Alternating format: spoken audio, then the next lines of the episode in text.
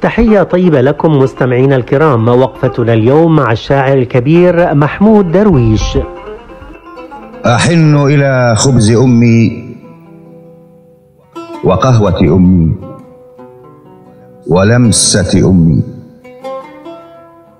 وتكبر في الطفولة يوما على صدر يومي وأعشق عمري. لأني إذا مت أخجل من دمع أمي.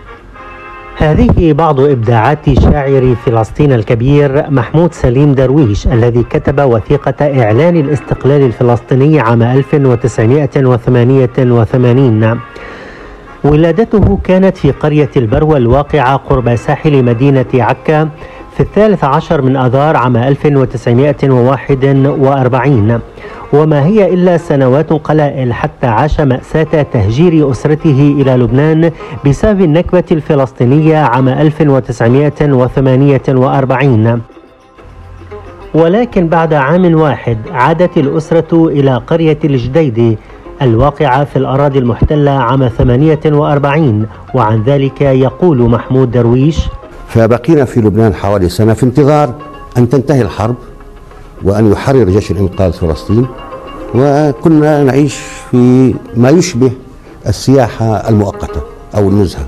هكذا كان الوعي الشعبي العام في تلك المرحلة إلى أن أدرك أهل الحقيقة وعادوا متسللين إلى فلسطين لكي لا يجدوا أي أثر أو معلم للمشهد الطبيعي الأول وهو قريتهم الأولى. كانت قد دمرت تماما آه، في أثناء حرب 48 وهكذا وجدت نفسي أحمل اسما جديدا بدل أن أحمل اسم طفل اسم لاجئ في بلادي أو حاضرا غائبا في بلادي. لكن محمود درويش لم يستسلم لهذا الواقع فقام بمناهضة الاحتلال الإسرائيلي ما أدى إلى اعتقاله عدة مرات على يد الاحتلال وخاصة عام 1961 وحكم عليه أكثر من مرة بالإقامة الجبرية إلى أن خرج عام 1972 للدراسة في الاتحاد السوفيتي وانطلق لاحقا نحو القاهرة فالتحق بمنظمة التحرير الفلسطينية. وشكلت عودة الشاعر درويش إلى الوطن بداية مرحلة جديدة بالنسبة له. ولو أنه في بعض الأحيان اختار الاغتراب الطوعي في فرنسا لفترات معينة. ترك بصماته الهامة في القصيدة العربية الحديثة وعبر بصدق وحساسية عن قضية العرب الأولى فلسطين. وكان لأشعاره الوطنية دورها الهام في توضيح أبعاد القضية الفلسطينية على المستوى العالمي وذلك من خلال تعبيره الإنساني الرفيع المشفوع بحب الحياة ما استطعنا إليها سبيلا كما يقول محمود درويش. ونحن نحب الحياة إذا ما استطعنا إليها سبيلا. ونرقص بين شاهدين. نرفع مئذنة للبنفسج بينهما أو نخيلا.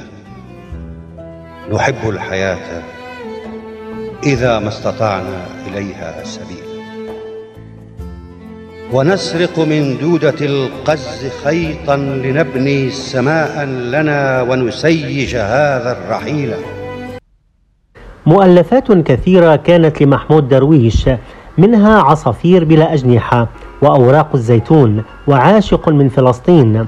آخر الليل العصافير تموت في الجليل. حبيبتي تنهض من نومها. أحبك أو لا أحبك؟ محاولة رقم سبعة. يوميات الحزن العادية ومنها أيضا وداعا أيتها الحرب وداعا أيها السلام. وتلك صورتها وهذا انتحار العاشق. من مؤلفاته أيضا أعراس.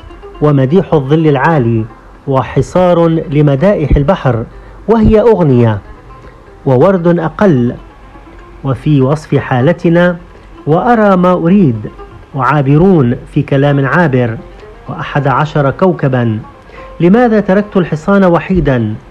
وأيضا جدارية وسرير الغريبة وحالة حصار ولا تعتذر عما فعلت. وأيضا كزهر اللوز أو أبعد وأثر الفراشة وصدر بعد وفاته قصيدة بعنوان لا أريد لهذه القصيدة أن تنتهي. والقاسم المشترك في كل هذا الإبداع هو التشبث بالحق الفلسطيني. هذا البحر لي. هذا الهواء الرطب لي. هذا الرصيف وما عليه من خطايا وسائل المنوي لي. ومحطة الباص القديمة لي ولي شبحي وصاحبه وآنية النحاس وآية الكرسي والمفتاح لي والباب والحراس والأجراس لي.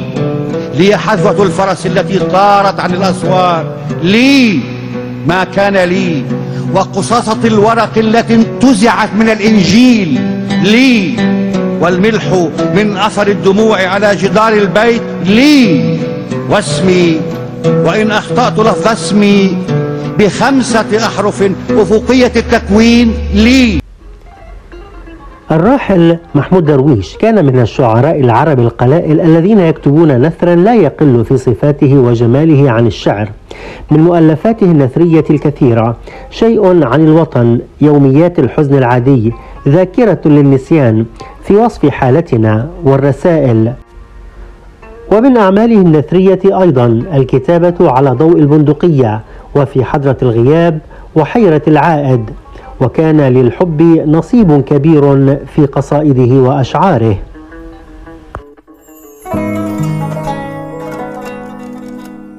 هكذا تولد الكلمات. أدرب قلبي على الحب كي يسعى الورد والشوق.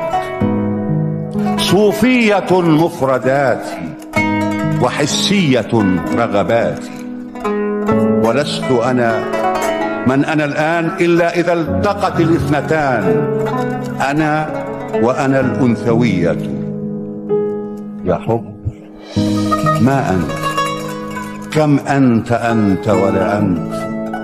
يا حب هب علينا عواصف رعدية كي نصير إلى ما تحب لنا من حلول السماوي في الجسدي وذب في مصب يفيض من الجانبين.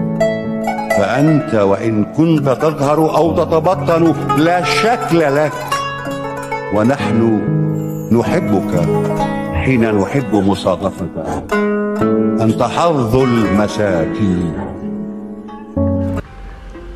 ترجمت أعمال الراحل محمود درويش إلى أكثر من أربعين لغة حية وما زالت تترجم إلى عدد من اللغات الأخرى.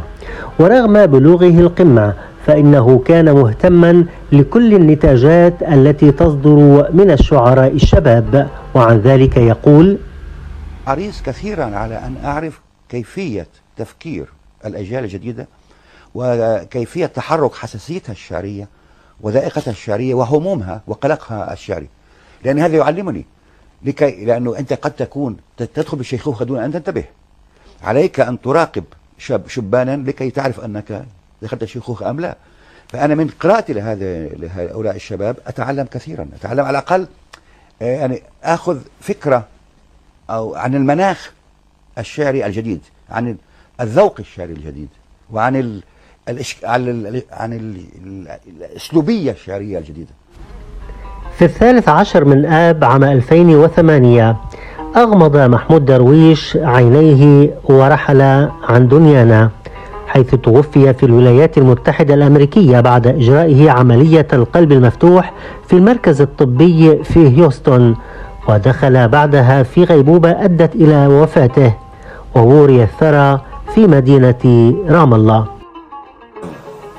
هذا البحر لي هذا الهواء الرطب لي. واسمي وإن أخطأت لفظ اسمي على التابوت لي.